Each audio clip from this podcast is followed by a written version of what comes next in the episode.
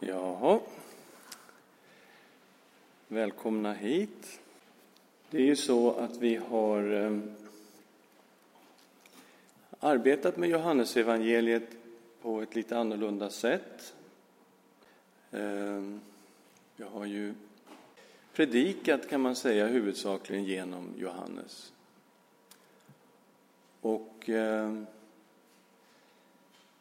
en hel del av de här tidiga predikningarna, de eh, vart aldrig sparade, utan de eh, försvann någonstans när vi återanvände banden, helt enkelt.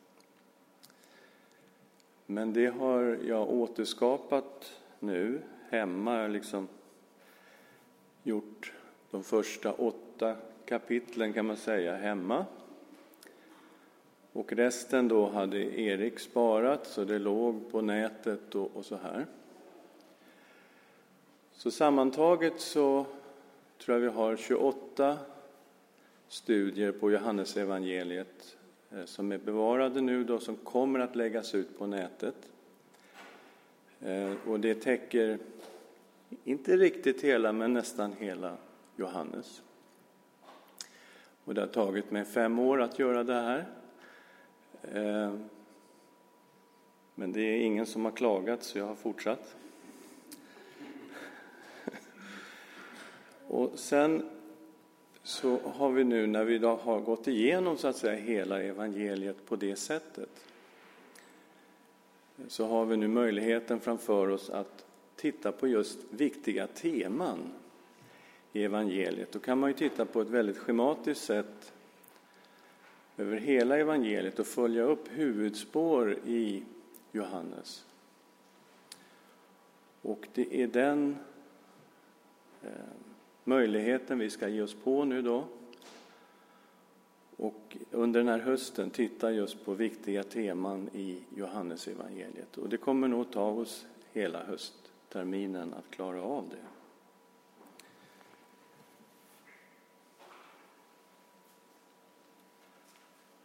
Och vi ska börja så att säga från början med den lite torrare delen då. Ett bakgrundsstudium av det här evangeliet.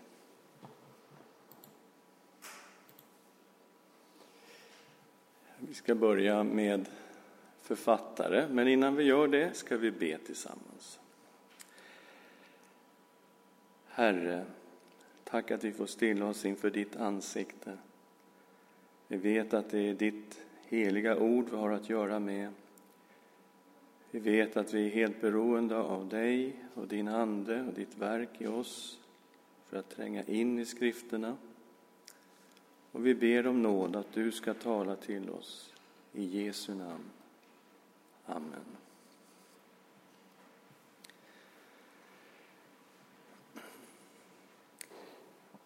Ja, författare. Den är inte, författaren är inte omnämnd i Johannesevangeliet. Eh, självklart har eh, har så att säga, i kyrkohistorien finns det ju åsikter om vem som har skrivit Johannesevangeliet och det finns ingen annan utpekad än Johannes i alla tidiga källor.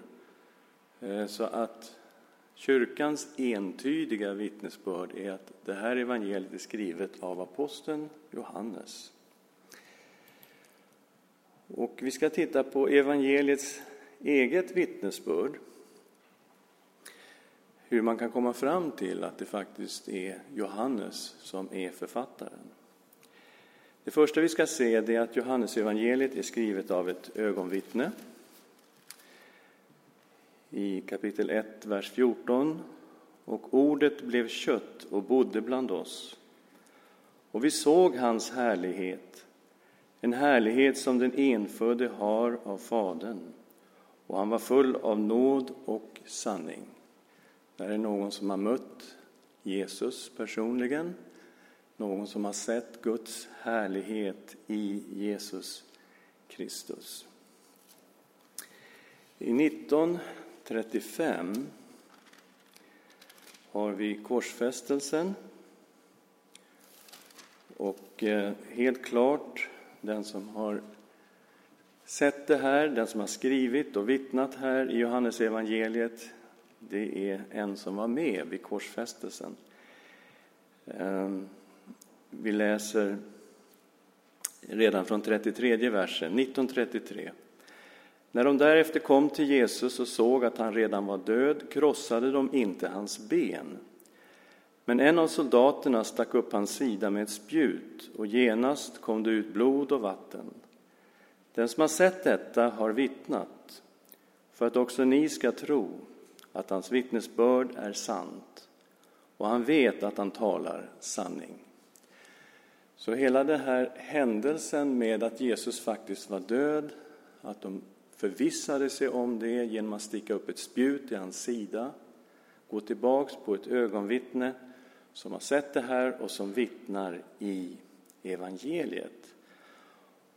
Och då kommer man, men det står ju inte jag, det står ju han. Han talar ju om någon, det är någon som talas om i tredje person.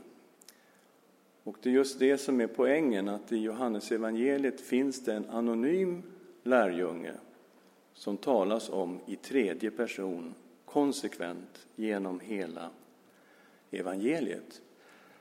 Och det är den här anonyme lärjungen som har skrivit Johannes evangeliet. Vi kommer till det 21 kapitlet, vers 20-24 och läser om den anonyme lärjungen som har skrivit Johannes evangeliet. Petrus vände sig om och fick se att den lärjunge som Jesus älskade följde efter. Det var han som vid måltiden hade legat vid Jesus sida och frågat Herre, vem är det som ska förråda dig? När Petrus fick se honom frågade han Jesus, Herre, hur blir det med honom? Jesus svarade, om jag vill att han ska vara kvar till dess jag kommer, vad rör det dig? Följ du mig. Så kom det ryktet ut bland bröderna att den lärjungen inte skulle dö. Men Jesus hade inte sagt till honom att han inte skulle dö, utan om jag vill att han ska vara kvar tills jag kommer, vad rör det dig? Det är den lärjungen som vittnar om detta och har skrivit detta. Och vi vet att hans vittnesbörd är sant. Så det finns en anonym lärjunge som har vittnat om detta och som har skrivit detta. Alltså själva evangeliet. Mm. Den här anonyme lärjungen är ju som sagt det var omnämnd på många ställen i Johannes evangeliet.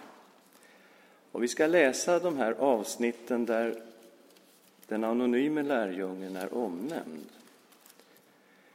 I första kapitlet får vi reda på att han var en lärjunge till Johannes döparen. Det är intressant. Den som har skrivit detta, den som är den anonyme lärjungen, var först lärjunge till Johannes döparen. Vi läser i 1, 35-40. Nästa dag stod Johannes där igen med två av sina lärjungar. Alltså Johannes döparen stod där med två av sina lärjungar. När han såg Jesus komma sa han, se Guds lamm. De båda lärjungarna hörde vad han sa och följde Jesus. Jesus vände sig om och när han såg att de följde honom frågade han dem vad de ville. De svarade rabbi, det betyder lärare. Var bor du? Han sa till dem, kom och se. Då gick de med honom och såg var han bodde och stannade hos honom den dagen. Det var omkring tionde timmen. Andreas, Simon Petrus bror, var en av de två som hade hört vad Johannes sade och som hade följt Jesus. Okej, okay, så en av de här två som var lärjungar till Johannes döparen var Andreas, Simon Petrus bror mycket intressant perspektiv öppnar sig plötsligt att vi har i den absolut inre kretsen av Jesu lärjungar har vi alltså tidigare lärjungar till Johannes döparen. Mm. Men det finns en som inte är namngiven. Andreas är namngiven, men den andra är anonym. Okej? Okay. ska följa vidare. I trettonde kapitlet, vi har kommit till den sista måltiden, instiftandet av nattvarden. Och här finns då mycket detaljerat hur det gick till när Jesus talar om att en av er ska förråda mig och hur Jesus doppar det här brödstycket och, och ger det till Judas, Simon Iskariots son. Men när han säger det här, då blir lärjungarna väldigt förvånade och vet inte alls vem han talar om eller ens vad han talar om. Och Petrus ger ett tecken till en av lärjungarna och vi läser att det finns en av dem som ligger väldigt nära Jesus till bords. I kapitel 13, vers 23. En av hans lärjungar, den som Jesus älskade, låg till bords vid Jesus sida. Simon Petrus gav honom ett tecken att han skulle fråga vem han talade om. Den lärjungen lutade sig då mot Jesu bröst och sa Herre, vem är det? Okej, okay. finns han här? Han är anonym, inte namngiven. Simon Petrus har gett ett tecken, det är tydligt, Petrus är namngiven. Men den här anonyma lärjungen ligger alltså närmast Jesus och är den som lutar sig mot Jesu bröst. Vi såg också i 21 kapitlet att det var just den lärjungen som hade skrivit evangeliet. Mm. Vi har igen i samband med att Jesus blir arresterad i det artonde kapitlet. Och eh, det handlar om att den lärjungen hjälper till så att Petrus kan komma in på översteprästens gård. Han är anonym, han är inte namngiven, men det är en lärjunge som hjälper Petrus in på gården där Petrus sen förnekar Jesus tre gånger. I kapitel 18, vers 15, Simon Petrus och en annan lärjunge följde efter Jesus. Den lärjungen var bekant med översteprästen och kom med Jesus in på översteprästens gård. Men Petrus stod utanför vid porten, den andra lärjungen, han som var bekant med översteprästen, gick då ut och talade med flickan som vaktade porten och förde in Petrus. Tjänsteflickan sa till Petrus, är inte också du en av den mannens lärjungar? Han svarade nej, det är jag inte. Ja, där kommer första förnekelsen. Men det finns alltså den anonyme lärjungen här som inte är namngiven. Petrus är namngiven, men den andra är inte namngiven.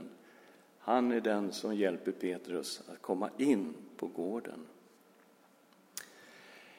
Eh, vi har en speciell situation igen vid Jesu kors. Vi har redan sett att den anonyme lärjungen var där. Han är ett ögonvittne till vad som händer vid korset. Och han står där tillsammans med Jesu mamma, Maria.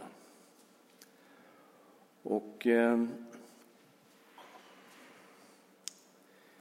vi läser i vers vi tar 25, vi börjar i 25 versen, kapitel 19, 25. Vid Jesu kors stod hans mor och hennes syster Maria, som var Klopas hustru, och Maria från Magdala. När Jesus såg sin mor och bredvid henne den lärjunge som han älskade sa han till sin mor, kvinna, se din son. Sedan sa han till lärjungen, se din mor. Och från den stunden tog lärjungen henne hem till sig. Jesus var ju äldste son till Maria och hade ett ansvar för sin mor. Och när han då hänger på korset och ska dö så ger han ett sorts hedersuppdrag till den här anonyme lärjungen att ta hand om hans mamma. Och han säger till Maria, se din son. Och han säger till den här anonyme lärjungen, se din mor. Och helt klart förstår den anonyme lärjungen vad det handlar om och det står att han tog med sig Maria hem från den dagen och på något sätt uppfyllde den roll som Jesus egentligen hade, det ansvar som man i den österländska traditionen har som äldste sonen för sina föräldrar. Eh, och den anonyme lärjungen finns ju med vid uppståndelsen. Han är med vid den tomma graven. Och vi kommer till det tjugonde kapitlet och vi har haft Maria från Magdala kommit till graven och upptäckt att kroppen är borta och stenen är borta. I andra versen i kapitel 20, hon sprang därifrån och kom till Simon Petrus och den andra lärjungen, den som Jesus älskade och sa till honom, de har tagit bort Herren från graven och vi vet inte var de har lagt honom. Då begav sig Petrus och den andra lärjungen ut till graven. De sprang båda på samma gång, men den andra lärjungen sprang fortare än Petrus och kom först fram till graven. Han lutade sig in och såg linnebindlarna ligga där, men han gick inte in. Strax därefter kom Simon Petrus. Han gick in och såg linnebindlarna ligga där och duken som hade täckt huvudet. Men den låg inte tillsammans med bindlarna utan för sig själv, hopvikt på en särskild plats.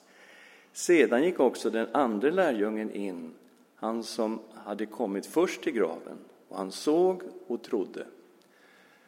Så här är den anonyme lärjungen. Tillsammans med Petrus springer de alltså mot den tomma graven. Han kommer först fram, han tittar in, han går inte in i graven, men han ser att den är tom.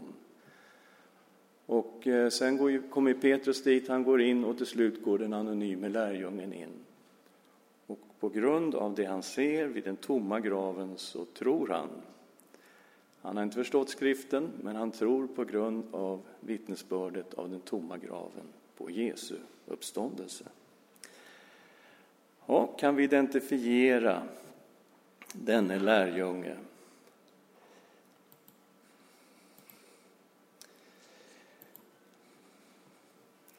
Vad kan vi säga om honom eh, från de här bibelavsnitten? Okej, okay, han är en av de tolv, det är helt klart. Han var med vid nattvarden, vid den sista måltiden. Absolut en av de tolv. Eftersom han är anonym rakt igenom evangeliet kan vi utesluta alla som är namngivna och då kan vi frimodigt ta bort Petrus, Andreas, Filippus, Thomas och Judas, Jakobs son och naturligtvis Judas Iskariot också.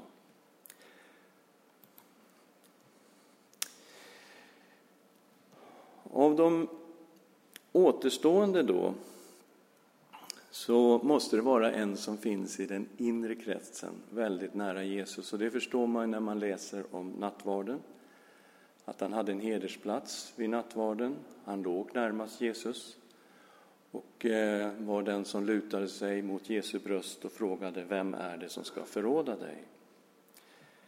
Han får ett hedersuppdrag att ta hand om Jesu mamma. Eh, och det är helt klart att det här måste vara en i den inre kretsen av lärjungarna.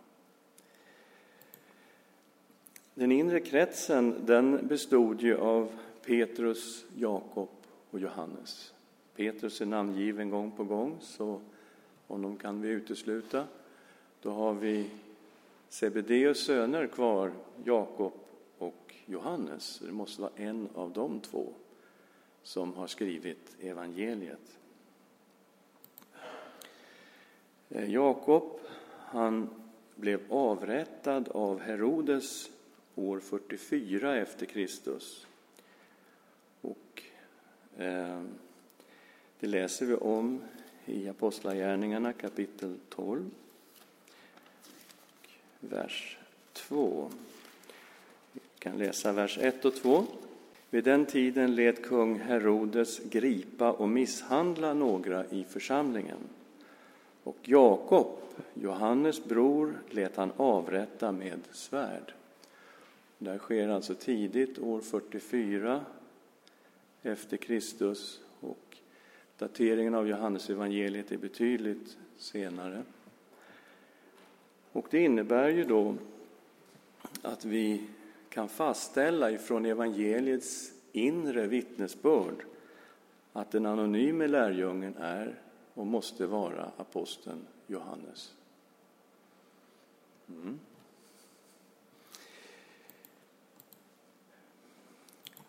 Hur daterar vi då eh, detta? Ja, det finns ju ett tidigt vittnesbörd eh, ifrån eh, kyrkofäderna och eh, dateringen ligger då ungefär 90 till 94 efter Kristus, alltså ett sent evangelium, det klart senaste eh, i, i, av de fyra evangelierna. Men samtidigt så måste vi också säga att det är möjligt att datera evangeliet betydligt tidigare. Eh, det, det, finns den möjligheten. Vi kommer att titta lite grann på det också.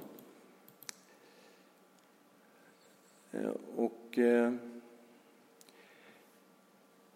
1900, vi ska titta på viktiga arkeologiska upptäckter då. Eh, Döda havsrullarna. Det här var ju rullar som gömdes bort undan romarna under den romerska invasionen av Israel. De judiska krigen pågick ju mellan, eller, mellan 66 och 70 eh, efter Kristus. Och eh, det fanns en kommunitet som levde nära Döda havet. Eh, vi tror att det är Sena det handlar om. Och eh, de gömde massor med skrifter, hela sin bibliotek gömde de i grottor vid Qumran år 68 när de romerska arméerna kom. Och de här upptäcktes då 1947. Och vad som är viktigt här det är att liberalteologer har under 1800-talet fört fram tesen att Johannes evangeliet måste vara skrivet betydligt senare än vad man påstått, någon gång under det andra århundradet. Eftersom eh, de här begreppen som finns med ljus och mörker, liv och död som är så karaktäristiskt för Johannes sätt att skriva. Eh, det, begreppet, den här eh, dualistiska formen sa man, den fanns inte utvecklad under det första århundradet utan det är först under andra århundradet som man hittar den här litterära formen att uttrycka sig. Men då är det viktigt då att notera att i de här texterna från Qumran fanns ju inte bara bibeltexter utan en hel del andra texter. Och där har man hittat just det här sättet att uttrycka sig med ljus, mörker, liv, död som visar att det var i bruk under mitten av det första århundradet. Och därför inte alls konstigt att Johannes evangeliet är skrivet under det första århundradet. Betestadammen grävdes fram 1956. Och också den här dammen då har varit orsak till bibelkritik mot just Johannes evangeliet och till och med dess historicitet. Ehm, man påstod då på 1800-talet att den här dammen var påhittad, att den inte fanns. Och om den fanns så hade den absolut inte fem pelargångar, det var man ju säker på. Och eh, 1956 grävde man alltså ut den här dammen som då i två avdelningar, fyra pelargångar och sen en femte i mitten som delade av de två avdelningarna. Så den hade faktiskt fem pelargångar, Betestadammen. Och nu kommer det intressanta, jag sa någonting om datering här, att man kan datera Johannes tidigare och det här är ett av huvudavsnitten varför man skulle kunna datera Johannes mycket tidigt. Därför att den här dammen blev förstörd år 70 vid Jerusalems förstöring. Okay. Det är intressant att om man då skriver Johannes evangeliet 90, 94 så har den här dammen i så fall varit förstörd ja, en, en bra bit över 20 år. Va? Eller ja, 20 år eller så. Och eh, då ska vi se hur det här är beskrivet. Och frågan är, fanns dammen? Var den i bruk när det här skrevs? Det är ju det som är frågan. Vi läser i femte kapitlet av Johannes och kan läsa de första verserna här. Därefter inföll en av judarnas högtider och Jesus gick upp till Jerusalem. Vid fårporten i Jerusalem finns en damm som på hebreiska heter Betesda. Den har fem pelargångar. I dem låg många sjuka, blinda, halta och lamade, lama. Där fanns en man som var, hade varit sjuk i 38 år. Och så kommer berättelsen om hur Jesus helar den här mannen som varit sjuk i 38 år. Men om ni tittar på dammen här, om ni tittar på tidsformerna, ser det ju faktiskt ut som den var i allra högsta grad i bruk när det här skrevs. Eh, det borde i så fall ha stått vid fårporten i Jerusalem fanns en damm som på hebreiska hette Betesta. Den hade fem pelargångar, men det är inte så det står. Så att det finns en damm. Den har fem pelargångar. Och det är klart, ja, det öppnar för möjligheter av en mycket tidig datering av Johannes. Och det finns en del som då vill hävda detta. Eh, en annan damm som eh, upptäcktes så sent som 2004 och som grävdes fram i augusti 2005 i Siloamdammen. Och eh, Jesus eh, möter en man som var född blind. Vi vet att han spottar på marken, gör en deg och så sätter han den på mannens ögon och så säger han till honom Gå till Siloam och tvätta dig. Och den blinde mannen tar sig dit, tvättar sina ögon och han får tillbaka sin syn. Han ser. Och det står också i texten att Siloam betyder utsänd, står det i Johannes kapitel 9. Där vi läser om Siloamdammen. En annan intressant arkeologisk upptäckt i ett fragment av Johannesevangeliet hittades 1935 i Egypten. Och eh, dateringen av det här växlar lite grann, men mellan 110 till 130 efter Kristus är det här fragmentet daterat. På ena sidan har det Johannes 18, 31 till 33 och på andra sidan Johannes 18, 37-38. Ehm, och det är klart att Johannes evangeliet är då skrivet i Efesus, ehm, dagens Turkiet. Och för det här evangeliet att få sin spridning och kopieras vidare, komma ner till Egypten och där då har vi det här fragmentet så betyder det att evangeliet måste vara skrivet betydligt tidigare än vad det här fragmentet indikerar. Och det stöder absolut eh, den, den eh, gängse dateringen 90 till 94. Det är mycket rimligt eftersom vi har det här tidiga fragmentet av Johannes från Egypten daterat kring 120.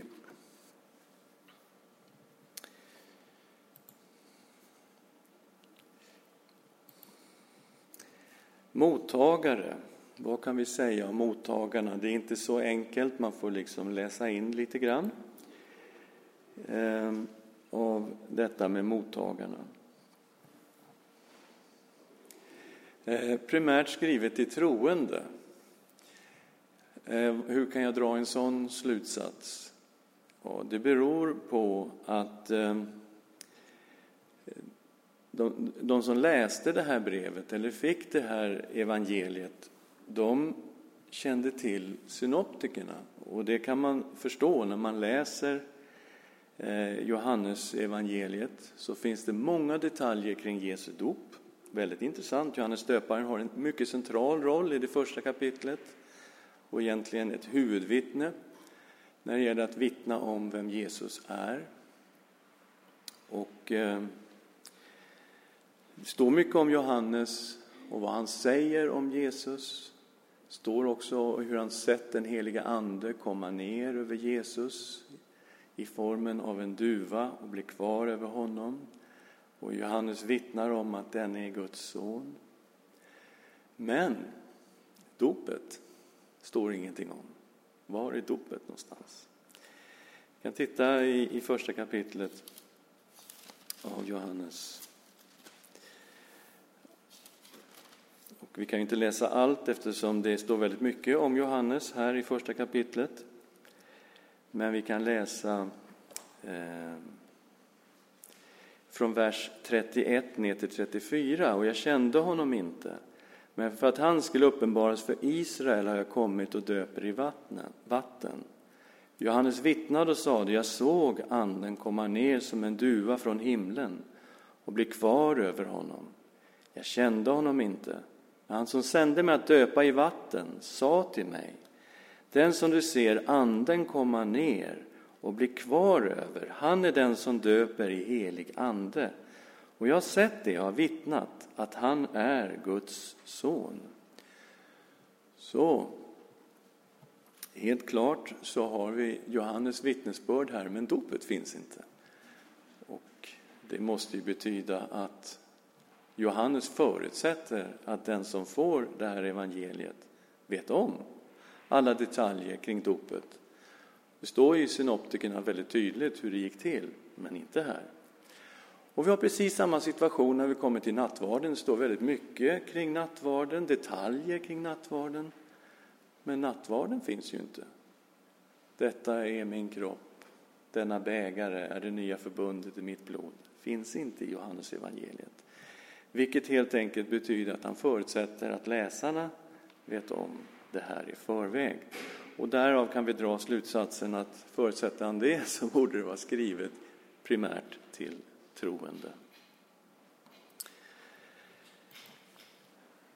Vi kan också dra slutsats, ja.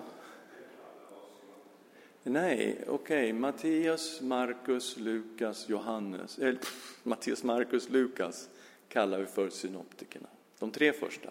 Tack Lennart. Eh, Johannes evangeliet är skrivet till hedningar kan vi dra slutsatsen och det beror ju på att så många hebreiska ord är översatta i, i, i evangeliet. Rabbi betyder mästare, Kefas betyder Petras, Petrus, Messias betyder Kristus, Golgata betyder huvudskalleplatsen. Och det är klart, när man översätter många hebreiska ord på det här sättet så förstår man att det är riktat till människor som inte kan hebreiska, alltså till hedningar. Säga någonting om relationen med, mellan Johannesevangeliet och synoptikerna. Ehm, alltså Matteus, Markus, Lukas. Ehm, jag får ett väldigt tydligt intryck av att Johannes har valt att komplettera synoptikerna, skrivet senare och har speciellt tagit upp material som inte finns i synoptikerna. Johannes skiljer sig ju oerhört mycket från de tre första evangelierna vad det gäller händelser. Ehm, synoptikerna är ju primärt Eh, Jesu verksamhet uppe i Galileen och Johannes primärt Jesu verksamhet i Judeen. Och väldigt många händelser i Johannes evangeliet finns helt enkelt inte omnämnda i de tre första evangelierna. Och varför då, blir då frågan. Okej, okay, han skriver efteråt, han förutsätter att de har läst synoptikerna, alltså skriver han det här för att komplettera synoptikerna och ge en full bild av vem Jesus Kristus är. Och det här ser man då väldigt tydligt eh, eh, i samband med dopet och nattvarden som jag nämnde att han inte nämner själva dopet eller själva nattvarden men nämner en hel del detaljer som är väsentliga runt omkring Jesu dop och instiftandet av nattvarden. Ehm, I synoptikerna får man intrycket av att Jesu verksamhet varade eh, ett år, drygt ett år. Men i Johannes ser vi att det varade i cirka tre år.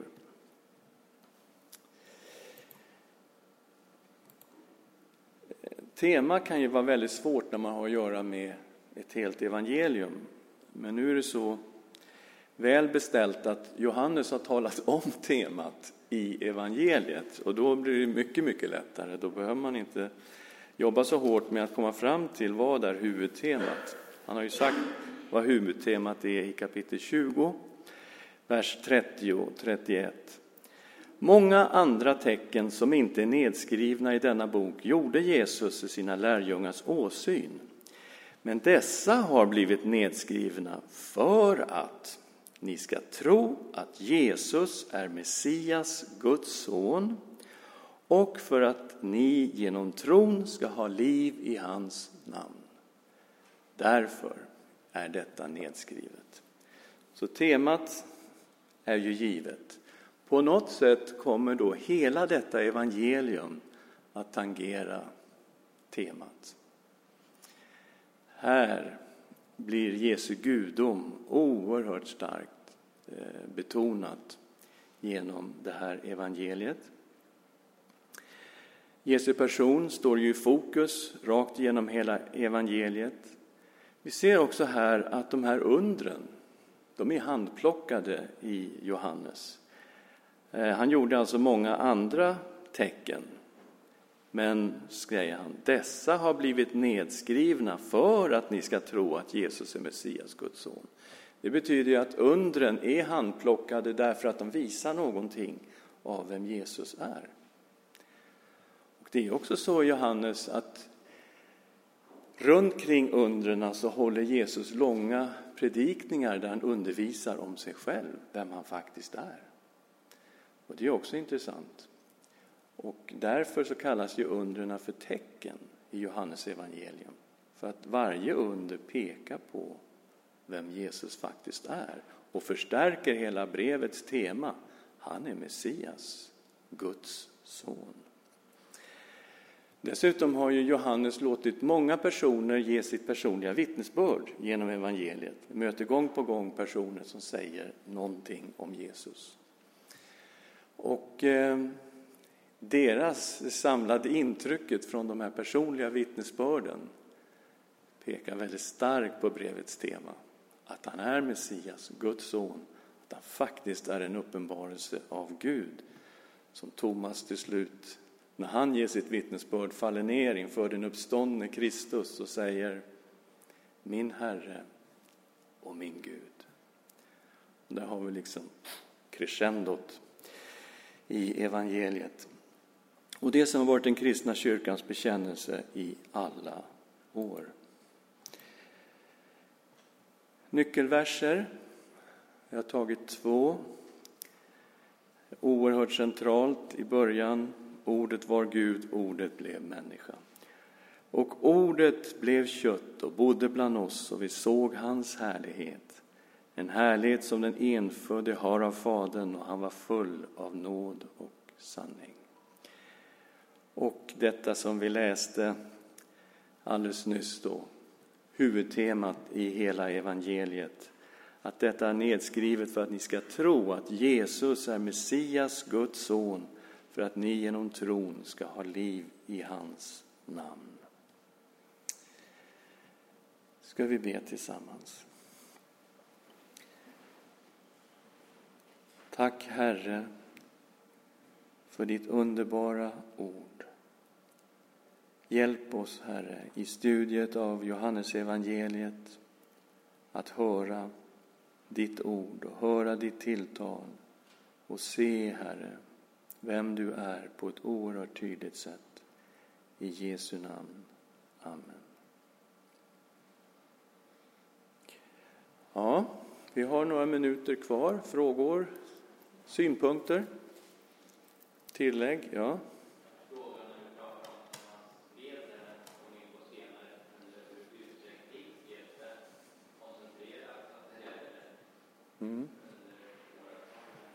Kan inte svara på den frågan. Det, båda är möjliga, va? men jag kan inte svara på det.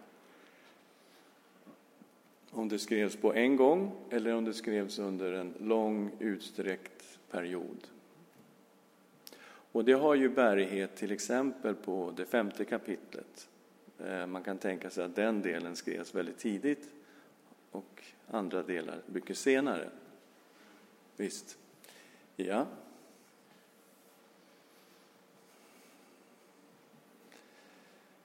Ja, Lennart?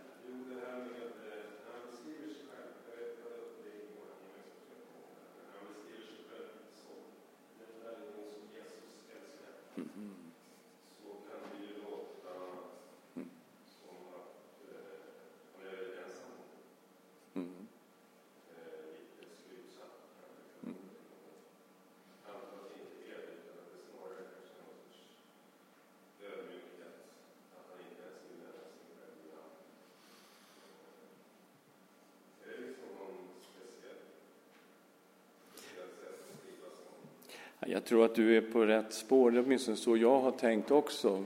Vad ligger i det här, den lärjunge som Jesus älskade?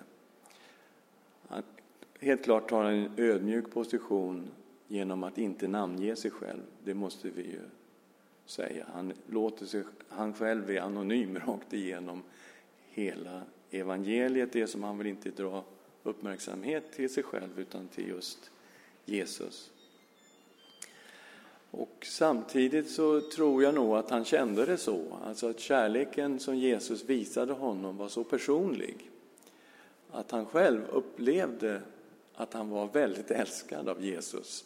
Men jag tror inte han skulle säga i samma andetag, men Petrus var inte älskad av Jesus och Jakob och Andreas och de andra var inte älskade. Jag tror inte det är på den nivån, utan han tror jag upplevde att han var väldigt nära Jesus och att han kände sig väldigt älskad. Ungefär så uppfattar jag det.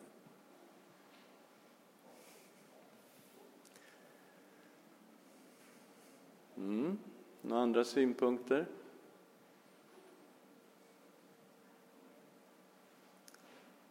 Nej. Eh, vi kommer ju att fortsätta nästa gång och eh, då går vi in i de här eh, sju Jag är-avsnitten som i allra högsta grad är kopplat till brevets tema, alltså vem Jesus är. Att han är Messias, Guds son, men vad kan det innebära? Och där kommer jag är-avsnitten i allra högsta grad in och ger en mycket tydligare, full bild när man slår ihop de här sju. Jag är alltså, jag är livets bröd, jag är världens ljus, jag är dörren, jag är den gode herden, jag är uppståndelsen och livet, jag är vägen, sanningen och livet, jag är den sanna vinstocken. Allt det här tillsammans ger ju en väldigt stark bild av vad innebär det när Jesus gör anspråk på att vara Messias, Guds son. Så det kommer vi att titta på, börja titta på nästa gång.